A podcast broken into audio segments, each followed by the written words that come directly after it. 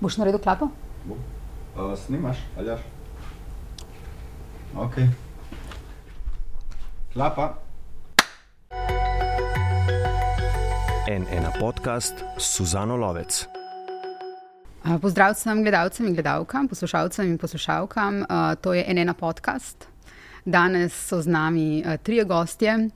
V veselje mi je, da lahko pozdravim tukaj dr. Žigo Zaplotnika, doktorja meteorologije, izvrstnega razlagalca podnebnih sprememb, enega glavnih v Sloveniji, z fakultete za matematiko in fiziko. Živijo žiga. Živijo. Uh, dr. Matjaš Ličer, fizik z Agencije za okolje in morske biološke postaje, ki se ukvarja s, fiziko, uh, s fizikalno oceanografijo, uh, sicer tudi doktor filozofije. Živijo. Živijo, živijo.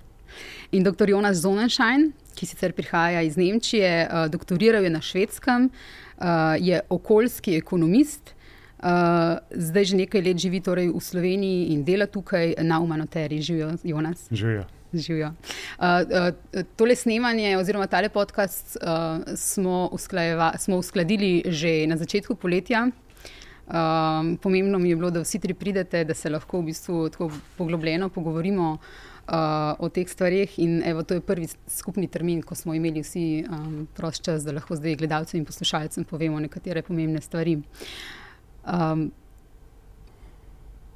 koncu poletja se približujemo, to je bilo. Um, ekstremno poletje, uh, polet, poletje nekih su, groznih superlativov, um, v Evropi uh, suša, um, rekordi, tudi pri nas, temperaturni v Sloveniji, um, ekstremno vreme, neurja.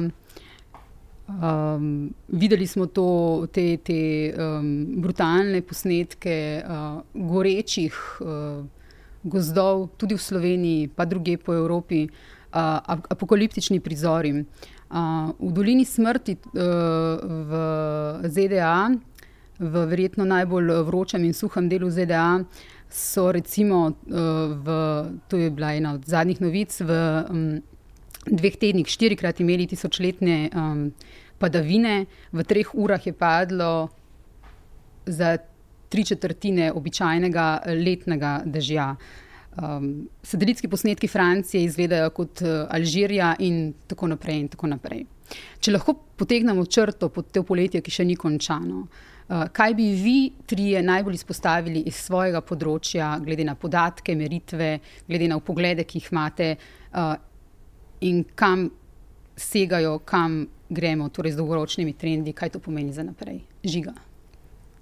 Zdaj, če pogledamo meritve, nam jasno dajo vedeti, da je bilo večji del letošnjega poletja, so bili temperaturni odkloni nekje za 2 do 4 stopinje Celzija nad dolgoletnim povprečjem.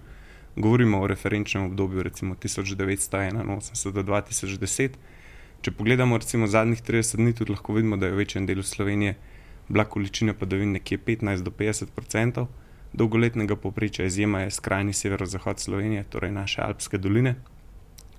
Uh, Potem o tem nam seveda pričajo tudi požari, ki so mhm. letos v rekordnem obsegu, okrog 4500 hektarov, glede na podatke Kopernikusa. Kopernikus zbira podatke na podlagi satelita oziroma spektroradiometra na tem satelitu in tudi tukaj smo rekordni. Kaj pa glede nadaljevanja, kakšni so obeti za naprej? Za Srednjo Evropo in pa za Mediteran kaže, da se bodo poletja ogrevala hitreje, kot recimo letno povprečje, precej hitreje. Poletja in pa deloma tudi zima, medtem ko se bodo prihodna obdobja, pomlad in poletje, ogrevala z nekoliko manjšim tempom. To je precej drugače kot recimo na skrajnem severu naše zemlje, na Arktiki, kjer pa se bo, uh, bodo ogrevale predvsem zime. Nekje do konca stoletja, po trenutnih izgledih, se bodo zime ogrele tudi za 10 stopinj in več, predvsem začetki zim. Nekoč, seveda, so bili ti začetki zim poledeneli, zdaj pa se v teh začetkih zim šele formira let, govorimo recimo o oktobru, novembru, decembru. Mhm. Um, ja.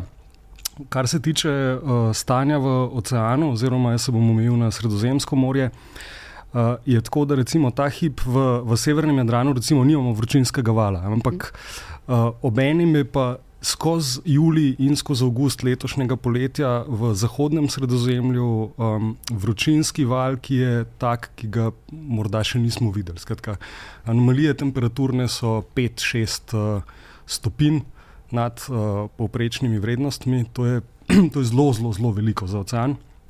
In um, tukaj bi imel splošno pripombo, da vročinski valovi.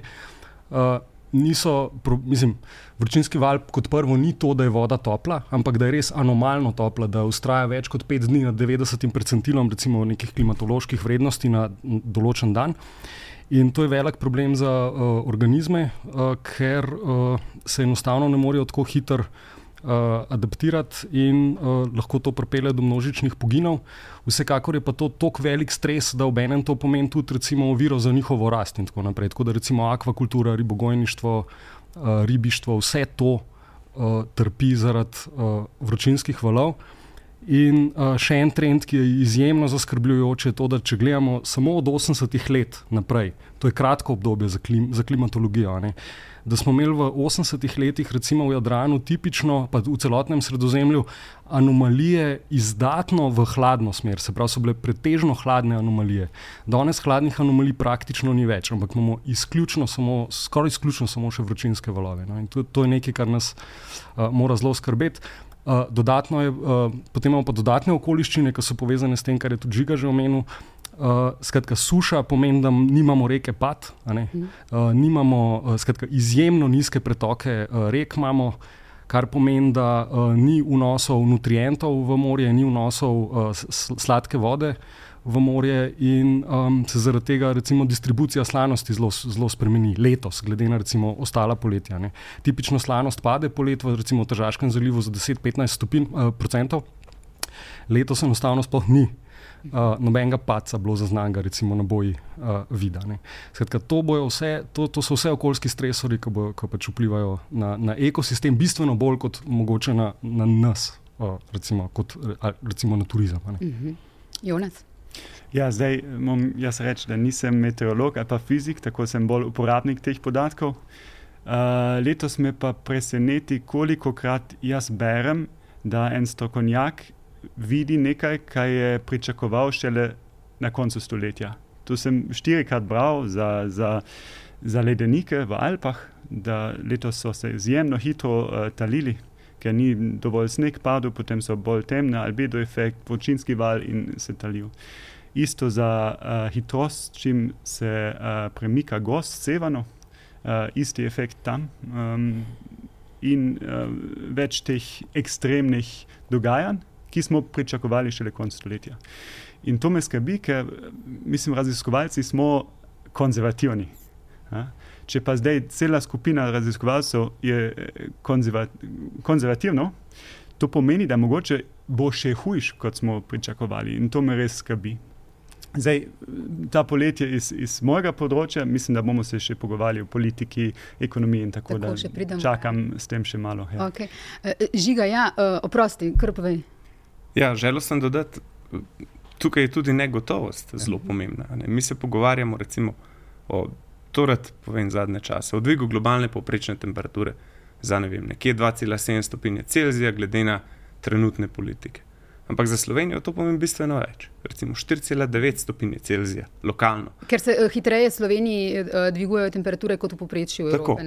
Ampak na splošnem povprečju na svetu, mi smo tudi del kopnega in vse države na svetu so del kopnega in kopno se segreva bistveno hitreje, kot pa bi rekel, tem, temperature naraščajo nad oceanskim uh, površjem oziroma nad oceansko gladino. Poleg tega je pa tukaj še nekaj.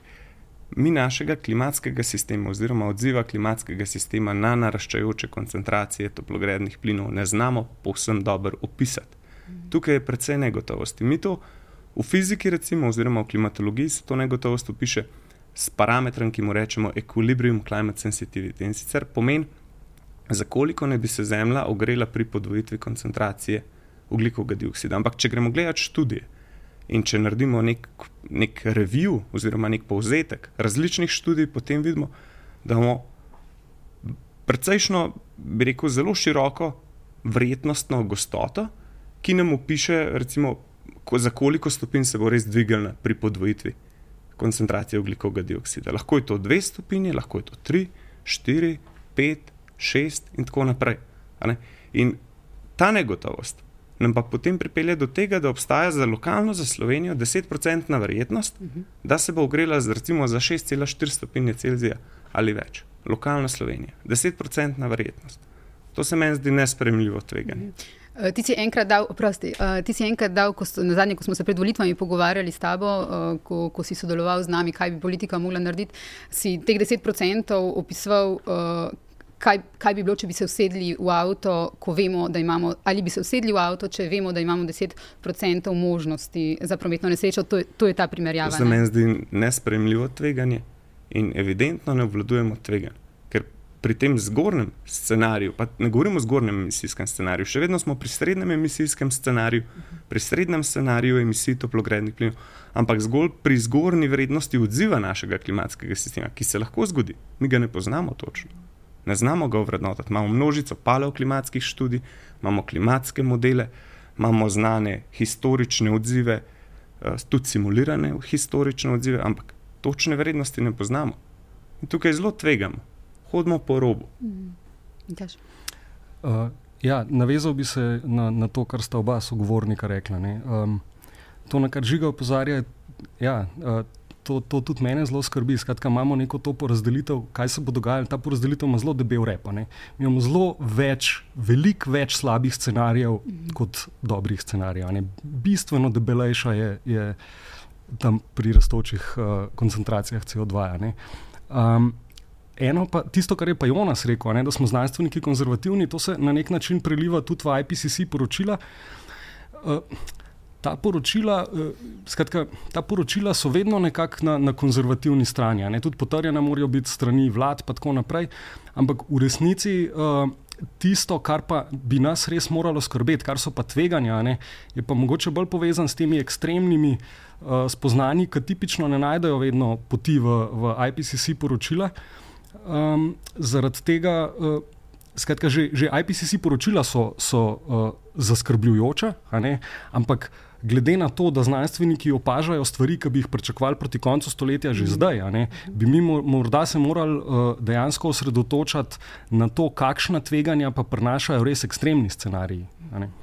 Uh, če lahko še malo o tem ledu poveš, um, torej, uh, izjemna poročila o tem, kako se led tali, kakšen led se tali zdaj uh, in ali je tukaj v znanstvenike tudi presenetilo, v kakšnem obsegu prihaja do tega in kje.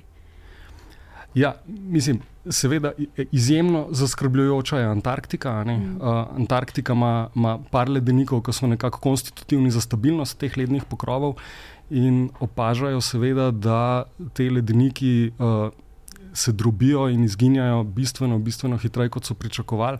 Obenem te dinamike še ne razumejo uh, dovolj dobro, uh, podatke je zelo težko dobiti, uh, čeprav zdaj se seveda ogromno en, enih naporov v to vlaga. Ampak Antarktika recimo, je definitivno eden od teh scenarijev, ki bi ga morali resno vzeti, zato ker kolaps ključnih uh, ledenikov, ki recimo stabilizirajo ledne pokrove na Antarktiki, nam lahko pa prenese na te uh, številke, ki jih IPCC daje ven, glede rasti gladine, dodaten meter do konca stoletja. Ne? In zdaj to potem lahko pripelje do prognoze 2 metra dviga srednje gladine do konca stoletja, ampak te stvari so nekako v IPCC poročilih potem. Eh, znotraj te medijane. In, in nekako se mi zdi, da tako kot je rekel Žiga, ne, da mi tle se zanašamo na statistiko, pa morda bi se pa morali začeti ukvarjati s tem, kakšno tveganje pa. Pa prenese ta ekstremen uh, scenarij, scenarij, ki se nam danes zdi ekstremen. Uh mhm. -huh. Mogoče čez 20 let se nam ne bo več zdel ekstremen. In da si znajo eh, gledalci in poslušalci uh, predstavljati ta, recimo, dva metra, ki si omenil, kaj bi to pomenilo za življenje. Ah, to je apokalipsa, po mojem. Jaz mislim, da ni. Mislim, mislim da ni, ni, ni, nimamo adaptacijske sposobnosti, da bi dva metra uh, do, uh, do konca stoletja lahko akumulirali znotraj obstoječega družbenega sistema. Mm -hmm. um, vedno bolj se v bistvu nam zdi, um, da živimo v, v scenariju uh, filma Don't Look Up. Uh, ja, pa Mad Max pa med Max, kombinacija tega. Um, kar je, uh, kar, kar v tem filmu, ne, kje se najdemo, je ta nek občutek nemoči, verjetno v znanstvenikov, uh, ljudi, ljudi, ki se s tem ukvarjate, še toliko bolj. Da v bistvu vse čas nekaj govorite in uh, zdi se, da v bistvu, uh, svet sliši, ampak ne posluša zares. Um, kot da uh, gre vse mimo in dogaja se business as usual. Um, a je to neka frustracija? Jaz bi rekel, da to sicer drži, ampak uh, smo še vedno v mnogo boljšem položaju, kot so bili pa naši predhodniki. Uh Mhm. -huh. Danes so podnebne spremembe zaznavne, če ne druga, opazijo jih vrtičkari, opazijo jih kmetje, spremenile so se fenološke faze rastlin. Um, tako da tudi recimo letos se mi polet zgodil, da me je nenormalno št veliko število ljudi izven znanstvene sfere, uh -huh. uh, nekako z zaskrbljenjem vprašalo, to je pa zdaj nekaj, nekaj hudega, to pa ni več v redu. To je pa zdaj noro postalo. V tem smislu. Ja. To, to se mi prejšnja leta ni dogajalo, zdaj pa kar da prihajajo tudi sploš, splošna javnost nekako do spoznanja, da pa utegnejo biti zaradi tega težave. Mogoče zaradi požarov, mogoče zaradi letošnje suše, redukcije vode. Uh -huh. Se, to je bilo moje naslednje vprašanje. Um, a se zdi, da je to letošnje poletje drugačno, oziroma ali je zaradi njega uh, prišlo, mogoče celo kumulativno, zaradi vsega, kar je bilo tudi v prejšnjih letih, prišlo do neke kulminacije javne zavesti o tem? Yes. Jonas, odkimavaš? Ja, in ne. ne. Jaz mislim, da ta javna zavest gre gor, pa dol, pa gor, pa dol. Zdaj smo spet na, na vrhu, pa zagotovo bo spet padel. Samo te valovi, vse skupaj kažejo, meni se zdi, da go. Kot, kot je Žiga tudi rekel, vsi vemo za podnebne spremembe, vsi vemo, da bojo posledice hude. Zdaj akcija, to, tam, tam še manjka. Uh, akcija je več v tem trenutku, ko smo na vrhu, kot lani v Nemčiji in Belgiji, ko so bili te hude plave, takrat je bilo lažje. Zdaj, mogoče je spet tak okenček, ki je lažje progresivne politiki uh, uvesti in tako dalje. Uh -huh. Tako da, ja, gre gor dol, ampak vse skupaj mislim, da uh, trend kaže v to pravo smer, samo čist prepočas. Okay. Ja, jaz bi se povsem strinjal. Uh, jaz mislim, da je med ljudmi uh, situacija precej bolj ozaveščena, kot bi mogoče sklepali na podlagi politik, ki se sprejemajo. Um, recimo, mislim, ne gre samo za to, da, se, da znanstveniki, uh, pa ljudje, ki se s tem ukvarjajo, ne, opozarjajo na to. Uh, Naletel sem na nek tekst Svetovne banke. Ki opozarja, da scenarij šte, plus 4 stopinje, ne, očitno, na, kateri, na tej trajektoriji očitno smo v Sloveniji, ne, da, da, da nimamo adaptacijske sposobnosti na 4 stopinje, če se zgodijo 4 stopinje. Um, tako da pa Svetovna banka je pač ni znanstven, uh, ne, ne moramo uh, jim očitati kakšnega alarmizma v tem smislu. Skratka, uh, mislim, da je prišlo do neke širše ozaveščenosti. Uh, Meni se zdi že bistveno drugače, kot je bilo deset let nazaj. Uh -huh. Skratka, prišlo je do neke zavesti, da v bistvu desimo v, v nek prepad in da če, zelo posplošujem, in da če ne bomo začeli zavirati včeraj, ne danes, da, da, bo, to, da, da bo to v bistvu nas vse, celoten svet. Ja, jaz upam, da to ni samo moj mehurček, ne, ampak ja, jaz bi rekel, da je. No, zdaj pridemo do tega, do najpomembnejšega. Kaj to je torej narediti? Um, rekli smo, da neka zavest obstaja, ampak uh, vemo, če, bo, če bomo pač ostali samo pri, zdaj karikiram, uh, plastičnih slamcah, um, ne bomo rešili sveta pred temi kataklizmičnimi uh, scenariji. Torej, kaj je treba narediti na sistemski ravni, na ravni sveta, tudi na ravni države uh, in, ok, seveda tudi na ravni posameznika, žiga. Vemo, kje, kje so vzroki, kaj je vzrok, to pač znanstveniki veste že jaz sem, dolgo. Jaz sem tukaj dokaj radikalen. Tako, Moje osebne mnenje je Ja. precej radikalno. No, kar. Enostavno rabimo enormno mobilizacijo kapitala, sredstev, znanja, um, za to, da te stvari spremenimo. To pomeni ogromno vlaganja v infrastrukturo, brezoglično, nizkooglično, že samo na ravni energetike, potem uh, enormna vlaganja v raziskave glede adaptacije, glede mitigacije podnebnih sprememb, nove tehnologije. Ne smemo se pa zanašati samo na tehnologije. Tehnologija nas čudežno ne bo rešila. Čeprav imamo mogoče tako občutek, ker nas v preteklosti je. Ampak problemi mogoče niso bili tako zažrti v samo jedro družbe. ne. Danes celotna družba temelji recimo, na fosilnih gorivih, nažalost. Eh, recimo, ko smo imeli problem ozonske luknje, je bil to problem nekih spojin, ki se ga je z alternativnimi spojinami dokaj recimo, enostaven dal rešiti. S tem, da smo imeli malo sreče, da so dejansko takrat imeli nadomestilo za CFC, ne? za hladilne sisteme. Imeli smo ja. Pa srečo, da se je upoštevalo politično. Znanost, ja, točno tako. Tudi, ja. Znanost ja. je, mislim, samo komuniciranje znanosti, oziroma to, kdo je lahko prišel do glasu v tistem času, je bilo močno uredniško sito in v enciklopedijah, in v recimo, medijih. Danes, recimo, imaš ta glas, ga lahko da kdorkoli in kdorkoli si lahko nekje na spletu potrdi svoje mnenje oziroma najde potrditev svojega mnenja in pride do tega zapiranja, ne, recimo mehurčke.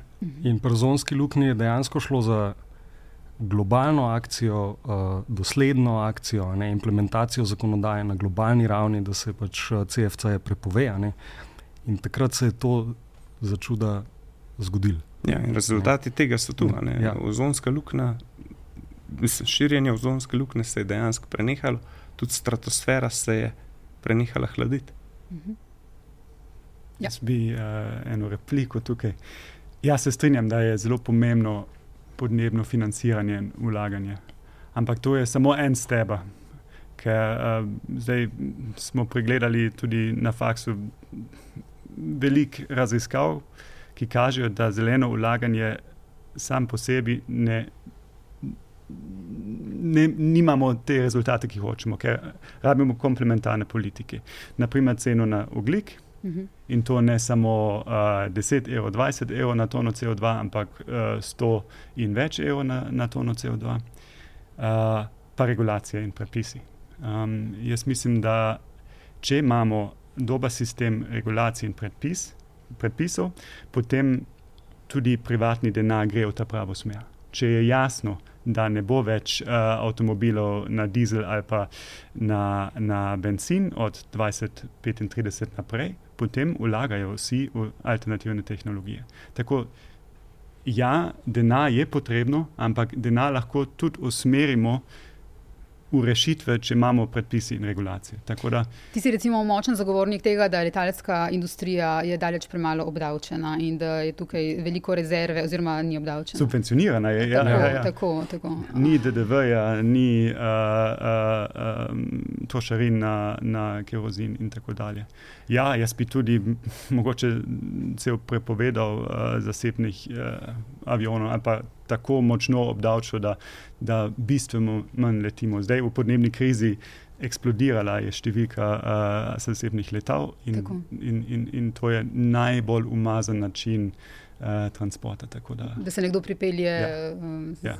Ja. Iz A na B. Za, Mogoče še fizikalen aspekt letenja. Emisije povzročene v zgornji troposferi imajo bistveno ja. večji vpliv na ogrevanje, kot pa emisije povzročene v, v spodnji troposferi. Tako da letenje, glede prispevka na ogrevanje, je v bistvu še zelo premalo demonizirano. Mhm. Ja, CO2 je Če ga gledamo zgolj po emisijah. Ja. Je pa tle mogoče, eh, seveda, eh, problem z profilom politikov, ka, oziroma odločevalcev, ki jih imamo, ne, eh, ker se mi zdi, da zdaj kako, bom začel druge. Jaz, eh, če bi moral zbirati med Beatles in Rolling Stones, sem definitivno za Beatles, ampak bi vsem citiral Rolling, Rolling Stones. Ne? You can't always get what you want, but you might find you get what you need. Ne? In rabel bi politike, ki bi ljudem dali to, kar potrebujejo, ne to, kar želijo. Ne? Zato, ker tle mislim, da imamo eno kar precej razklopljene interese. Ne? Seveda bi vsi radi ta business as usual, pa živeli pač naprej. Ja ampak uh, nekako živimo v neki utvari, da, da bo to šlo. Um, vsi vemo, da, mislim, da pa vemo, da ne bo šlo. Ne? Sam živimo v nekem zanikanju. Da, Da, da, da bo šlo še naprej. Ne? To je največja iluzija. Če, smo, uh, če govorimo o razogličenju, uh, katere konkretne stvari, okay, vemo, da termoelektrarne so uh, eden večjih problemov. Uh, ukini termoelektrarne, uh, kateri so konkretni ukrepi, ki bi jih morali na ravni sveta zdaj začeti izvajati? Ja, aha, da kar izvoljeno. Ja, ja, za elektriko uh, si že rekla, to so termoelektrane. Face out čim prej. Um, imamo tehnologije, to je jasno. Um, potem transport je zelo velik uh, problem, ker to je, to je sektor, ki, kjer emisije rastejo. Uh, to pomeni uh, električna mobilnost, uh, ne samo zasebna električna mobilnost, ampak tudi javni promet. Uh, in infrastruktura, tukaj rabimo javno ulaganje. Um, Potem je industrijska živinoreja, uh, ki uh, prispeva uh, visok delež svetovnih emisij. In tukaj gre tudi za to, da imamo več regulacij, da imamo več, uh, više cene na uh, produkte, ki so škodljivi za podnebje. Uh, Ta teden sem ravno brala raziskavo uh, iz Velike Britanije, ki je potrdila to, kar v bistvu že vsi vemo, da največji oglični odtis imajo meso, uh, ribe in um, tako naprej, uh, mislim, da sladice. Um, skratka, to absolutno bolj obdavčiti oziroma se nečemu odpovedati. Ja. Ja. Absolutno. Siri, mislim, da so tudi no, uh, visoko zgoraj. Mislim, te, te tri sektori. Um, energetika, uh, promet in, in uh, kmetijstvo, uh, sigurno. potem še industrija, uh, jeklo, aluminum in tako dalje. In, uh -huh. uh, in če smo pri razogličanju, uh, uh, ali je možno torej, doseči, da sem brala uh, ene raziskave, um, da so po nekih scenarijih, da je možno 100% uh, energije iz obnovljivih virov uh, doseči še do leta 2050. Kaj mislite o tem? Glih uh, ta teden je prišla ven študija, yeah. v bistvu review study, Tako. ki pregleda cel, celo raz, vse raziskave od, meni se zdi, 2005 naprej. In je več in več izzivov, ki so bili pri 100-odstotnem scenariju za, za ove, lahko re, rešimo. In če gledamo nazaj v Nemčiji, naprimer v 90-ih letih so bile kampanje, ne moramo imeti več kot 0,5 odstotkov obnovljivih virov v, v omrežju, ker potem bo kolabiral. Zdaj imamo več kot 40 teh intermittent virov in še vedno funkcionira tako. Tehnologija napreduje, to je tudi evolucija. Sigurno danes omrežje še ni tak, da bi imeli v Sloveniji uh, 100 odstotkov uh, sonce, vetra in tako dalje. Um, ampak bo. Sem, jaz mislim, da moramo to gledati, na to gledati kot proces, evolucijski proces, ne kot nekaj, kar dan danes lahko uh, načrtujemo za leto 2050, ker stvari se spremenjajo. Tudi za Slovenijo so študije to pokazale. Ja. Če se sam naslonim na študijo, kolega, recimo Bohinca, fizika, znanga slovenskega elektroenergetskega podjetja, uh, oni so naredili recimo študijo lokalno za Slovenijo so pokazali, da s kombinacijo eh, recimo, eh, obnovljivih virov energije, ustreznih hranilnikov in pa tudi recimo drugega bloka jedrske elektrarne se da povsem razogličiti slovensko energetiko oziroma vsaj ta del energetike, ki, kar se tiče proizvodne elektrike. In to zagotovo do 2050. Ne? Zagotovo, Prej. seveda ob ustreznih tudi hranilnikih, bet, uh, tako recimo črpalnih hidroelektrarnah, baterijah, um, ampak vse v smislu nekih realnih, dokaj konzervativnih mm. predpostav glede razvoja te tehnologije. Torej, brez upanja na čudeže. Vidva se oba zauzemata za drugi blok nuklearke ne? in mislite, da je to v bistvu del rešitve? Jaz se ne zauzemam, samo mislim, ne, ne favoriziram tega napram drugim uh mhm. -huh. virom. Eh, bi pa rekel, da moramo pa trenutno nekako izkoristiti vse opcije, vso tehnologijo, ki jih imamo, in ne upati na neko čudežno prihodno tehnologijo, ki nas bo rešila. Zgolj to. Ja, točno to sem hotel jaz prej dodati. Ne? Da je treba ponavljati mogoče to sporočilo, da tehnologija obstaja uh mhm. -huh. in da zdaj je pač na politikih, uh, skratka, zdaj potrebujemo politično odločitev. Uh, Medtem ko uh, sklicevanje na to, da rabimo neko višjo tehnologijo, ki bo šele prišla v neki nedoločeni prihodnosti, je pač alibi za to, da se nič ne naredi. Ne? Uh -huh. uh, in zato sem jaz skeptičen do teh pozivov k visoki tehnologiji. Uh, seveda rabimo visoko tehnologijo, jo bomo rabili, nisem tehnofob, ampak rabimo pa tudi politične odločitve, ki bo implementirale take politike. Uh, kar se tiče nek dva, um, jaz ravno tako, uh, ni, recimo mene osebno ne skrbi jedrska tehnologija. Um, Mislim pa, da, se, mislim pa, da nujno rabimo široko javno razpravo in da nujno rabimo referendum, konec koncev, o nek dva, uh, in to mora steči včeraj. Da bo imelo ja, visoko ja, javno potrditev. Te, moja osebna, recimo, to, to, kar mene recimo, bega, je to, da uh, se nek dva, recimo, seveda si nihče ne želi, da se sprevrže v še en te šest. Uh, po tej koruptivni liniji, po drugi strani pa, uh, če, če ga bomo gradili 20 let, je pa, pa res vprašanje, da je treba pretehtati, ne, uh, a ne bi mogoče pol investirali uh, tega denarja v, v druge vire. Ne. Še enkrat pa povdarjam, mene sama tehnologija ne skrbi, skrbi me pa prtlaga, ki pride zraven. Jaz mislim, da to je zelo pomembno. Tebe, kar skrbi pri, pri jedrskih elektrarnah, je ta uh, ekonomska učinkovitost, oziroma kaj se dogaja s cenom. Ja, in ta optimizem, da lahko načrtujemo jedrsko in bo vse še po planu, cenovno in. in uh, javnomensko in, in uh, z um, političnim procesom. Ne. Mislim, da gledamo na to čist preveč kot inženirski izziv. Uh mhm. -huh. In ni samo inženirski izziv. Uh mhm. -huh. In to tveganje za me tudi ni zdravje, ali pa da bo kakšna nesreča. To, to še maj, najmanj mene skrbi. Mene skrbi, da ne bomo izpeljali investicijo do konca, uh mhm. -huh. da bomo vlagali veliko uh, denarja, javnega denarja, veliko uh, časa in na koncu nimamo nič od tega. Imamo pa že danes tehnologije in se strinjam tukaj, ja, zakaj pa ne gremo zdaj v 100-odstotno učinkovitost v industriji in uh, gospodinstv. Uh, zakaj ne v sonce? Mislim, da vlada kaže znake, da, da bo ve, bistveno več vlagal v sonce. Mi imamo kot en odstotek elektrike iz sonca, uh, ki zamujamo v Sloveniji. Druge države imajo bistveno, bistveno več. In, um, Zaradi tega jaz vidim tudi to tveganje, da vidimo to, to kot rešitev, a bomo že imeli drugi blok, um, in mogoče na koncu ne bomo ga imeli. Ker tam je uh, vpliv na okolje, uh, vpliv uh, čez, čez menov.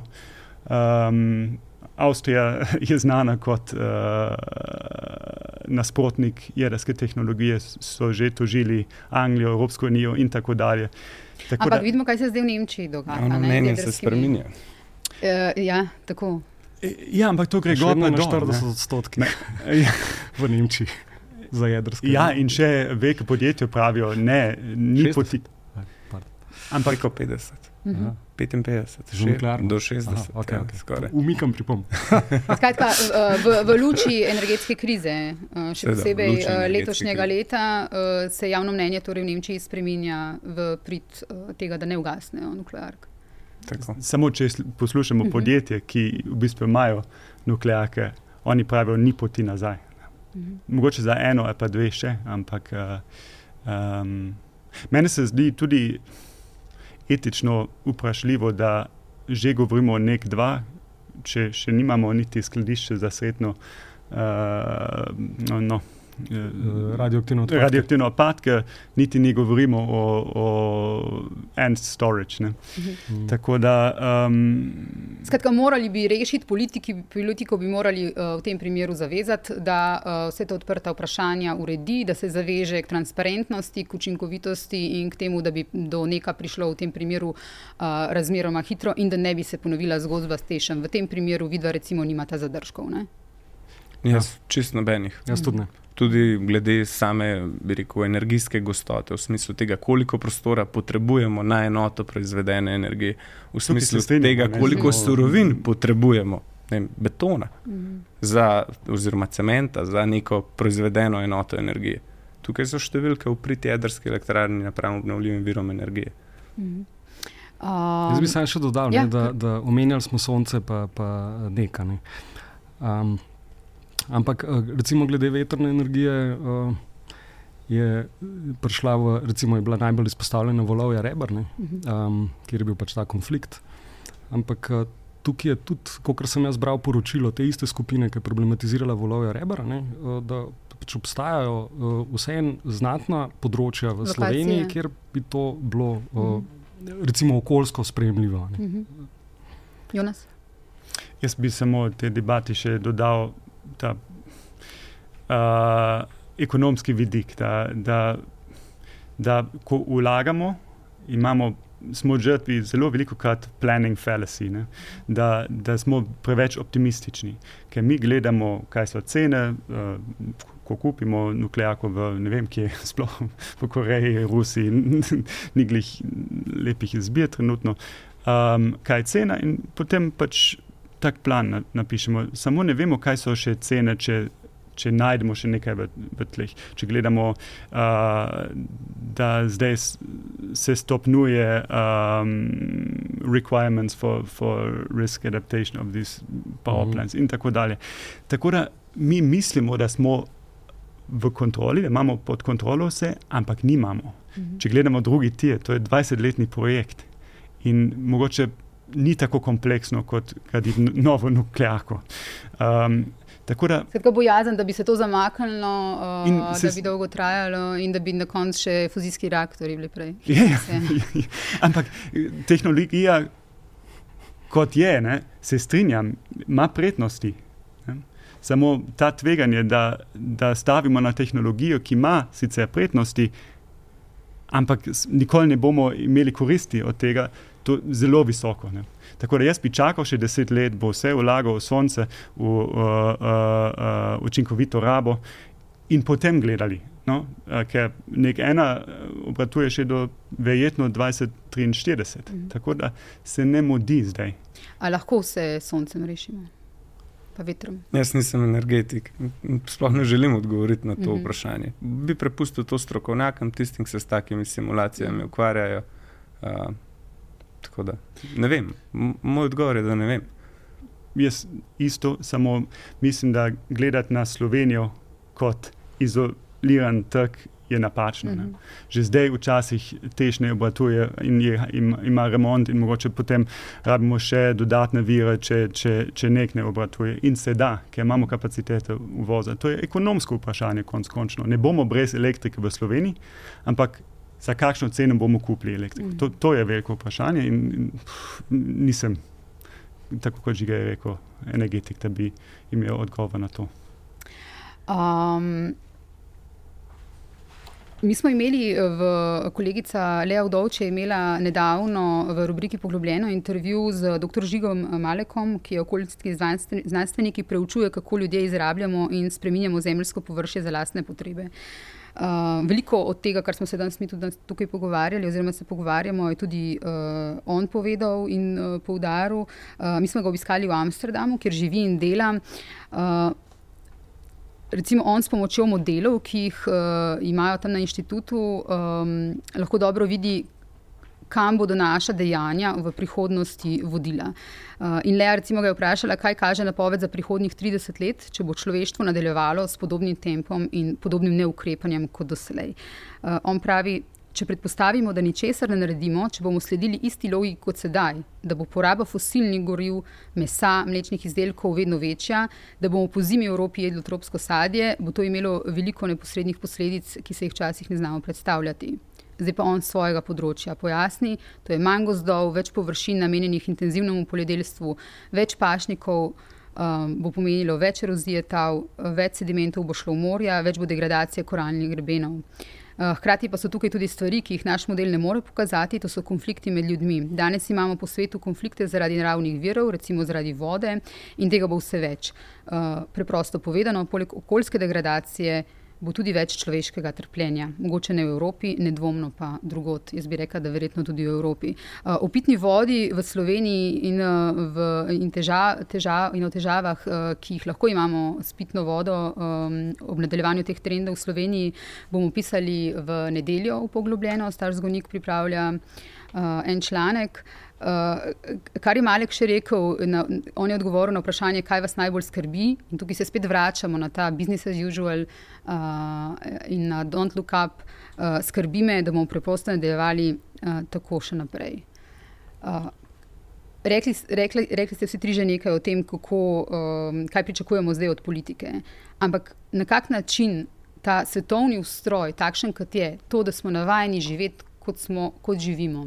Uh, to, da uh, kapitalizem poteka na tak način, da biznis poteka na tak način, kako to zaustaviti, kako zresetirati svet, no, če pač zelo naivno vprašam. Ki... Mislim, mislim, da je prvi pogoj, da se zavedamo osebne odgovornosti. Uh -huh. Ne bom poudarjal, da je osebna odgovornost edina ključna, ampak začne se pri osebni odgovornosti. Začne se pri osebni odgovornosti vsakega posameznika. Pri tem, da se nekako svesti, zaveda, koliko prispeva recimo k degradaciji planeta, in da se zaveda tega, da bo tudi njegova dejanja, kaj bodo pomenila za prihodne rodove. Mene velikrat zmoti, ko nekdo reče, da ja, sto podjetij onesnažuje toliko, pa toliko, pa toliko proizvedene, bom rekel na pamet, 80% emisij. Že že sto podjetij proizvede 80% emisij, ampak za koga pa ta podjetja proizvaja? Uh -huh. Ne za nekega imaginarnega potrošnika, ampak za nas. Mi smo tisti, predvsem mi v razvitem svetu, smo tisti, ki imamo daleč največji oglični odtis. Gledamo globalno. Ne. Recimo, nek Evropejec ima en velikostni red, desetkrat večji oglični odtis, kot pa recimo eh, nekdo iz jugovzhodne Azije, ali pa mogoče 50krat večji odtis kot nekdo iz podsaharske Afrike. In seveda, ko imamo to osebno odgovornost, lahko tudi zahtevamo sistemske spremembe. Ampak začne se tukaj, ne s prelaganjem odgovornosti na nekoga drugega, ampak se zavedati sam pa sebi, kako bi lahko izboljšal oziroma zmanjšal ogličen odtis, potem pa takoj zahtevati tudi naprej sistemske spremembe. Mhm. Jonas? Ja, jaz samo mislim, da ko gledamo na posameznik in se strinjam, da posameznik ima močno vlogo v tem, ne razmišljamo o posamezniku kot potrošnik. Ker jaz sem posameznik tudi, ko, ko delam, ko sem del organizacije. Če jaz, moje v službi bi bilo zdaj politik ali pa uh, direktor firme, potem imam jaz bistveno več moči usmeriti dogajanj v, v, v smer razogličenja.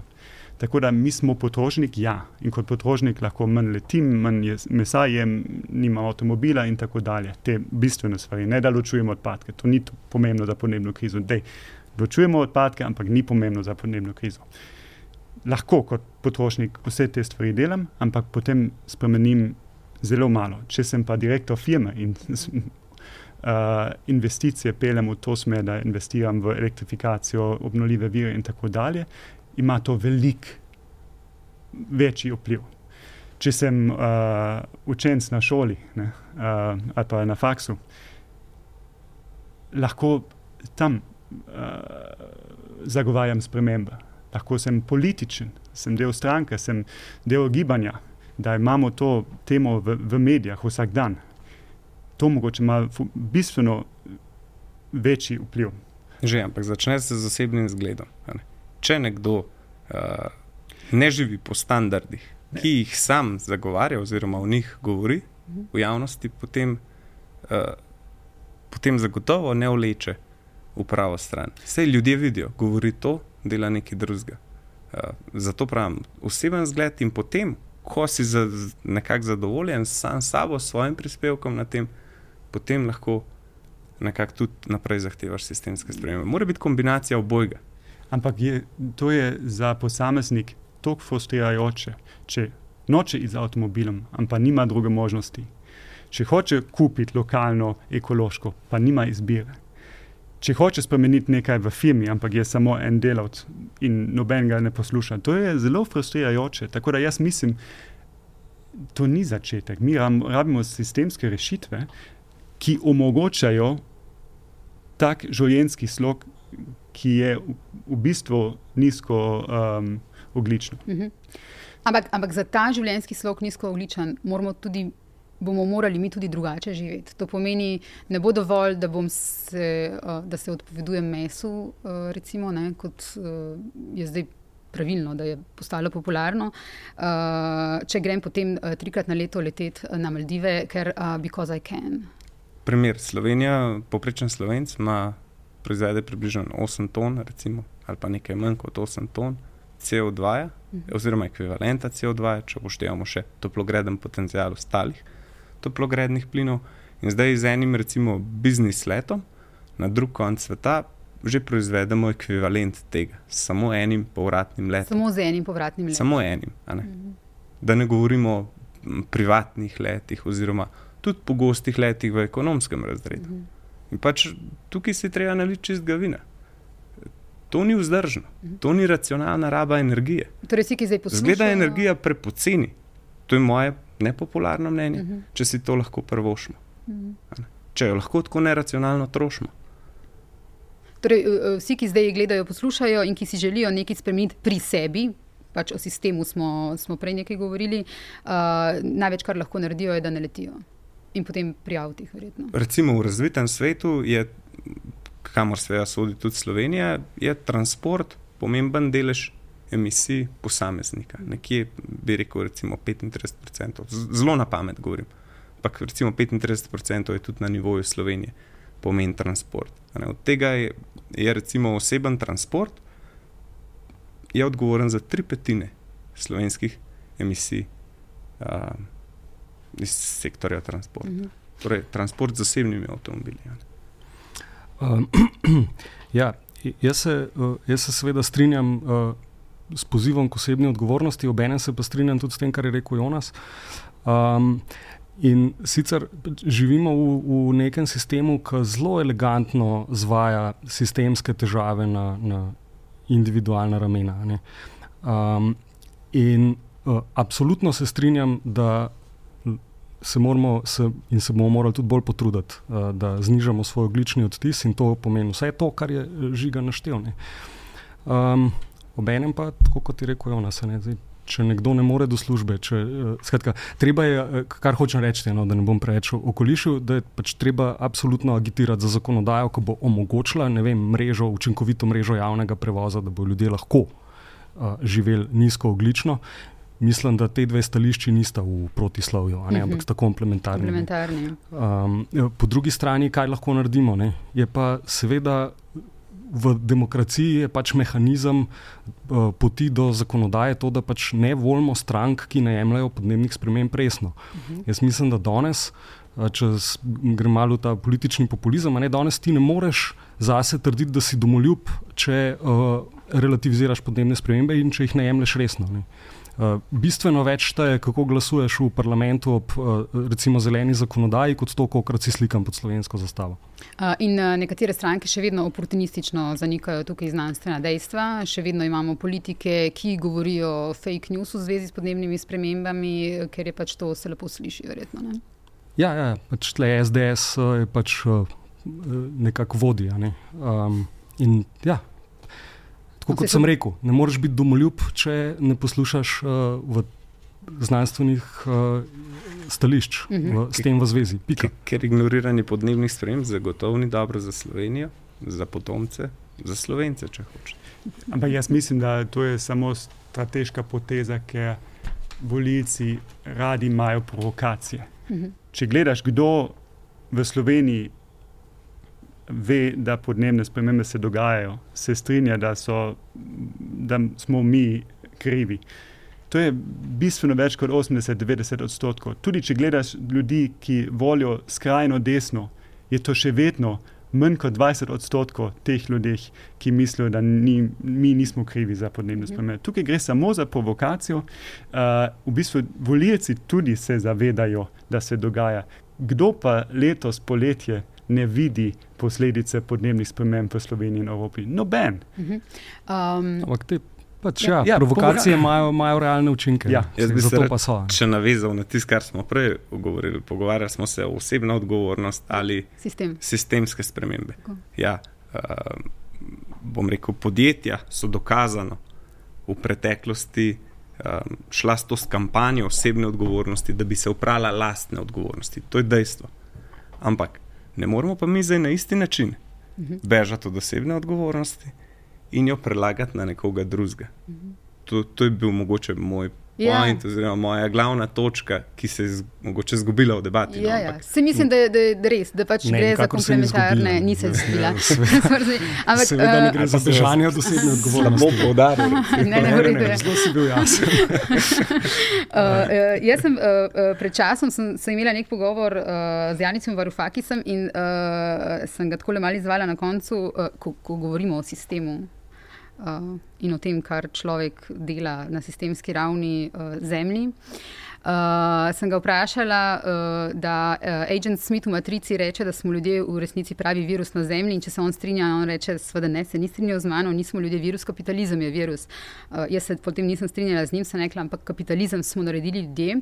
Uh, in on meni odgovori, ne, nismo ga. Kapitalizem je organizacija družbe, ki se je razvila in nas pripravila kot virus. Uh, to je virus, ki se je razvil znotraj naše zgodovine in imamo možnost, da ga končamo.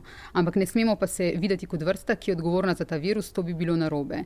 Um, kako vi tri vidite uh, v bistvu to, kaj je človeštvo? Mislim, očitno smo problem, ampak če vas prav razumem, smo tudi rešitev. Filozof. no? ja. Filozof pa odgovor.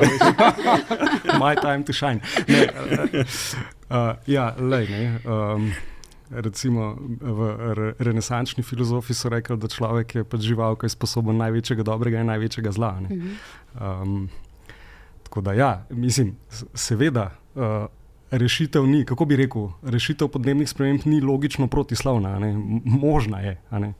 Um, ampak uh, vprašanje je možno v, v trenutnih okvirih. Uh, vprašanje je možno v okvirih kapitalizma. Kapitalizem je zelo velikrat pokazal uh, izjemno sposobnost adaptacije, ne? tako da očitno kapitalizem izpolnjuje neke funkcije, ki nam ustrezajo. Um, ampak uh, jaz mislim, da če, e, kako bi rekel, ni mi, ni mi očitno, da je znotraj kapitalizma možno rešiti podnebne spremembe, če ne bo radikalnih sprememb samega sistema. Prej bi stavil, da če bo prišlo do zaostrovanja kapitalizma, da nas čaka samo barbarstvo, ni, ni tle, ni, po mojem. Ni, mhm. skratka, možnost je, ampak za to možnost se, treba, se bo treba potruditi in transformirati način uh, uh -huh. ureditve. Jonas, ti si v doktoratu v bistvu se ukvarjal s svojim eh, prav to zeleno rastjo oziroma z raz, razogličanjem. Kako tukaj vidiš to? Ja, jaz mislim, da ta cela debata in tudi Marcel Štefančič je zdaj pisal esej v prejšnji mladini o tem peku, ki, ki so podnebne spremembe in neoliberalna ekonomija, kapitalizem. -huh. Ampak ta cela debata mi gre včasih malo na živce.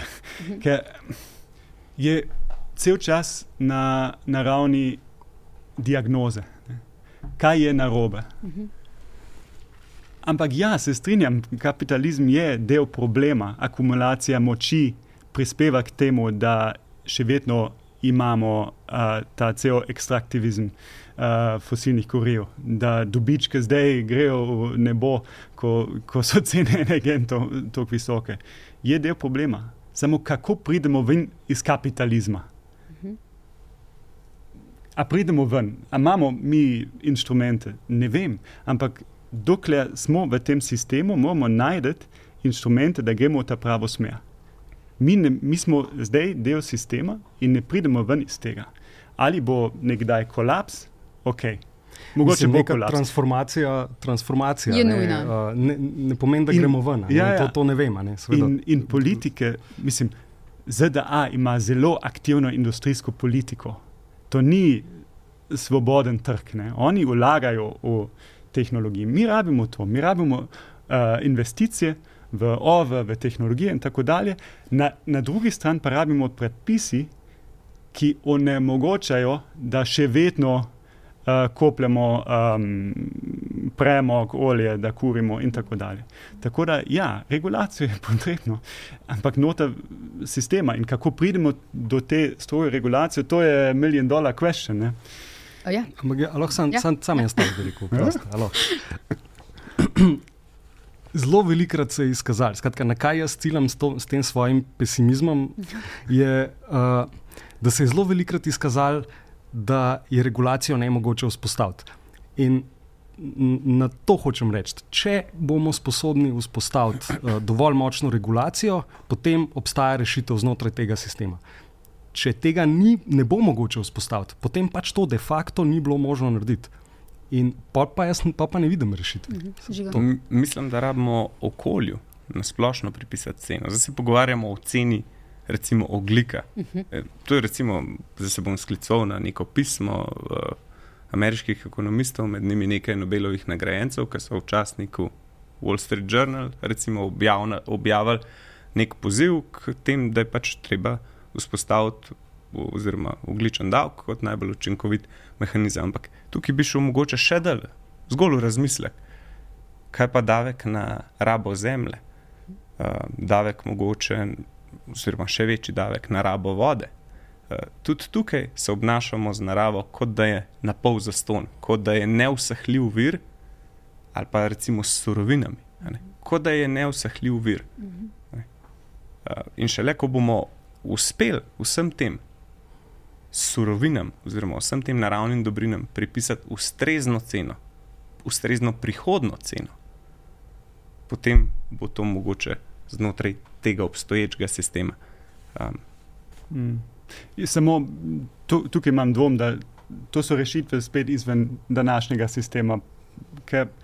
To so res mokre sanje ekonomistov, da imamo na svetu isto ceno za oglik, za vse emisije in tako dalje in ne pridemo tja. Ne. To, to je jasno. Um, zdaj, lahko v Evropi imamo ceno, imamo uh, to uh, um, emissions trading system, imamo v Sloveniji CO2 davko in tako dalje, ampak to so cene, ki v bistvu ne čutimo. Mi plačamo veliko več trošarine na liter dizel kot CO2 davko. Mhm. To ne bo spremenilo. In te cene, ki rabimo, so ne spremenljive, v, v, not acceptable v, v Sloveniji. Tu so rekli na Ministrstvu za finance, so rekli, to je inštrument, da dobimo uh, uh, davke nota za proračun. Obnašanje se ne spremeni. Žiga? Ja, ampak to regulacijo globalno je možno vzpostaviti. Evropska unija ravno zdaj, v, skupaj z Evropsko vesoljsko agencijo in z Evropskim centrom, za srednjeročne napovedi vremena vzpostavlja mehanizem, kako bi iz satelitskih meritev se dal natančno, zelo natančno, nekje na 4, 4 km natančno do leta 2026 locirati vire, recimo emisij. To pomeni, da v prihodnosti ne bo več mogoče, recimo, uh, goljufati oziroma seliti industrijo v tujino in potem ne biti odgovoren za to selitev industrije v tujino. Mhm. Pri navajanju recimo, emisij toplogrednih plinov. Kar pomeni, da bomo imeli cel svet globalno pokrit z dobro časovno ločljivostjo, z dobro prostorsko ločljivostjo o emisijah toplogrednih plinov. CO2, metan, dušikovi oksidi. To pa je vse en tak, bi rekel, zelo znanstveni regulatorni mehanizem. Ja, v samo, katerega imam kar nekaj upanja. To, to je vidik natural science. Lahko merimo, lahko uvedemo samo politično, a, družbeno, je to ne mogoče. Vem, ampak trenutno niti merimo ne dobro. Mogoče se moramo delati, da je mogoče. ja, ampak, če, ne, ne, ne, to mi je všeč, kar si rekel. Mogoče se moramo začeti delati, da je mogoče to, kar mi. V, v tem svetu, kot zdaj funkcionira, se nam zdi, da ne bo mogoče. Mogoče moramo pa od politikov začeti zahtevati to, kar se nam, nam zdi, da politiki ne bojo želeli. Mogoče pa to rešitev. Uh, nekaj bi sam še spomnil na, na eno zelo preprosto rešitev, mislim, to je en drobec v, v, v mozaiku tega, kar mi danes govorimo, uh, ampak zelo pomemben, ker je nekaj, kar bi lahko, kar se z izjemno malimi sredstvi la, da dobro rešiti. Uh, gre, gre za um, sajenje oziroma za. Uh, um, varovanje obstoječih dreves v mestih. Ne. Letos, ko smo delali meritve uh, v, v mestu, uh, kaj so prinesli vročinski valovi, kakšne so bile razlike, ogromne razlike uh, med deli mesta, ki imajo v Ljubljani uh, drevesa, in deli mesta, kjer so drevesa bila posekana ali pa pač jih sploh ni bilo, kjer je pač beton. So to ogromne razlike, ki vplivajo na vse možno, ne. tudi na zdravje ljudi in tako naprej. In kar vsi občutimo. In mi bi morali zahtevati, da pač eh, mest se ne vodi na način, kot se jih, da je možno, da obstajajo ti toplotni otok, otoki. In to je nekaj, kar je izjemno poceni. Um, Dr. Blaž Klobučar je za poglobljeno v bistvu rekel: vsakič, ko v mestu pogledate skozi okno, bi morali videti vsaj tri drevesa. Um, in to je tisto, recimo, neke, to so tudi neke um, nesistemske ampak hkrati okay, tudi sistemske, predvsem pa na ravni uh, mest, lokalnih skupnosti, nekaj, kar bi mi morali zahtevati od politikov. Se strinjate? Ja. Zdi se smiselno. Ja. Jaz zdaj tle, razen nekih individualnih opask, težko kaj rečem, ampak lahko pa rečem, da, da sem bil nedavno na Dunaju in um, da je Dunaj začel prakso, da so začeli zeleniti notranja dvorišča. Uh mhm. -huh. In da uh, bom povsem lajično rekel, da, da, je, da se je meni zdel to fantastičen projekt. Uh mhm. -huh. To je nekaj, kar bi se verjetno dal prenesti tudi v Ljubljano, ki se zelo rada primerja z Dunajem. Uh. Žiga zelene strehe, ti jih pogosto omenjaš. Jaz, jaz tukaj omenjam to predvsem zaradi uh, adaptacije na ekstremne padavinske uh mhm. -huh. dogodke, ki, ki jih je vedno več, so vedno intenzivnejši, mm. za vsako stopinjo ogrevanja je v, zraki, v zraku recimo nekih 6-7% več vodne pare in ob ustreznih atmosferskih pogojih se toliko več te vodne pare lahko kondenzira in sprosti potem na tla v obliki padavin. Še več, a ne zdaj študije, ki so na podlagi meritev različnih postaj iz Srednje Evrope, so celo pokazale, da je pri visokih temperaturah rosišča recimo 18 stopinj in več, ki se pojavljajo poleti, tudi na našem območju, da je pa takrat um, ta rast za vsako stopinjo ogrevanja še večja. To mhm. pomeni, lahko pričakujemo ne, za vsako stopinjo rasti nekje 15% intenzivnejše padavinske dogodke. Ne. Zdaj pa lahko zračunamo, če se temperatura v Sloveniji bo ogrela recimo poleti za 4-5 stopinj Celzija. To pomeni, da bo v takih običajnih nevihtah pač padlo še enkrat več padavin, v najbolj ekstremnih pa tudi še enkrat več. Mhm. ne, poenostavljeno, na mesto 50 mm v ne, eni uri ali pa v dveh urah jih bo pač padlo 100. To je tako zelo poenostavljeno povedano. Uh -huh. uh, prej, ko smo govorili In, o. Ja, ja, treba je vso to vodo nekako. Uh, treba je pač odvodnavanje imeti ustrezno ali v to vodo nekaj časa zadržati uh -huh. uh, znotraj, uh, bi rekel, nekih uh, travnikov ali takih streh, recimo v urbanih področjih, kjer travniških površin ali pa gozdnih površin ni. Uh prej, ko smo govorili o tej uh, uh, skepsi oziroma nezaupanju v znanost, uh, oziroma o tem, kar nekateri politiki še vedno govorijo, um, to, kar je zdaj prevladujoča, uh, ta, ti, ti skeptiki do podnebnih sprememb, ki so prej uh, agitirali oziroma govorili uh, proti znanosti in proti podnebnim spremembam, so se zdaj, kot pravi Michael Mann, uh, spremenili to svojo naracijo in gre zdaj za inaktivizem, kot on temu pravi. Skratka, da se uh, ne govorijo več, da podnebnih sprememb ni, ampak gre veliko v smeri, saj ne moremo nič narediti uh, ali pa premalo lahko naredimo. Ne? Nekaj smo danes o tem rekli, da se lahko veliko naredi, da, se, da je treba začeti uh, čim prej delati. Uh, ja, povej. povej ja, to so stopnje, ne zanikanje. Ja, Najprej podnebnih sprememb ni, meritve so napačne. Druga stopnja podnebne spremembe sicer so, ampak za nje ni kriv človek. Uh mhm. -huh. Tretja stopnja res, da je kriv človek, ampak mogoče bodo celo dobre. Uh mhm. -huh. no, in, uh, to je mogoče tako zanimiva anekdota ne, iz 19. stoletja tudi Nobelov nagrajen za kemijo, recimo Svante Arhenius, ne šved. On je recimo prvi bil tisti, ki je ugotovil, za koliko bi se Zemlja ogrela v podvojitvi koncentracije toplogrednih plinov. On je takrat ocenil, mislim, da 5,6 stopinje Celzija. Uh, kar je bila izjemna ocena za ta čas, ne? res izjemna. Uh, ampak če pogledamo, recimo, on je rekel, kaj. Uh, on je rekel, to bo celo dobro, mi moramo nadaljevati z izkoriščanjem fosilnih goriv. Zakaj? On je seveda gledal lokalno, na švedsko kmetijstvo, uh, nisi pa mislil, da lahko raba fosilnih goriv tako strmo naraste. Mm. In za njega je bilo to nekaj dobrega. In tudi danes imajo zelo različne interese. Študije kažejo, recimo Rusija, Kanada, severne države bi lahko imele celo nekaj koristi od tega. Ne? Uh, tako da zelo kontradiktorni interesi so tukaj. Mm -hmm. Jaz se popolnoma strinjam in bi to povezoval z vprašanjem, ki si prej uh, dala, in v bistvu še nismo dali odgovor, zakaj imamo še vedno ta stanje business as usual. Uh mhm. -huh. In jaz mislim, da je to povezano s tem zanikanjem, ne? da je mogoče doba. Mi še ne čutimo uh, posledic tako močno. Mi se uh, prilagodimo. Ne? Imamo več dreves v mestu, imamo klimo in življenje je pravzaprav vse skupaj fajn za vse nas tukaj v zahodnem svetu. Ne. plus en fenomen shifting baseline syndrom. Ne. Moj, moji oči sta rojena v svet, ki v Sloveniji po zimi večinoma nimamo več snega. Ne. Umeten sneg na smočiščah, ampak to je normala. Ne. Oni vidijo to kot baseline za razvoj. In ta baseline se premika ne, navzdol, v bistvu v tem primeru. Če smo imeli na pohoju, zahodni pohoj, 50 let nazaj še 100 dni snežno odejo, imamo zdaj 50 dni. Ampak za ljudi, ki so danes rojeni, je to normala. Ne. To je ta shifting. Zato to je mogoče tudi še en razlog, zakaj. Mi še vedno delamo business as usual. Svet, kot mi poznamo, se ne spremeni toliko, ne? ali pa toliko hitro.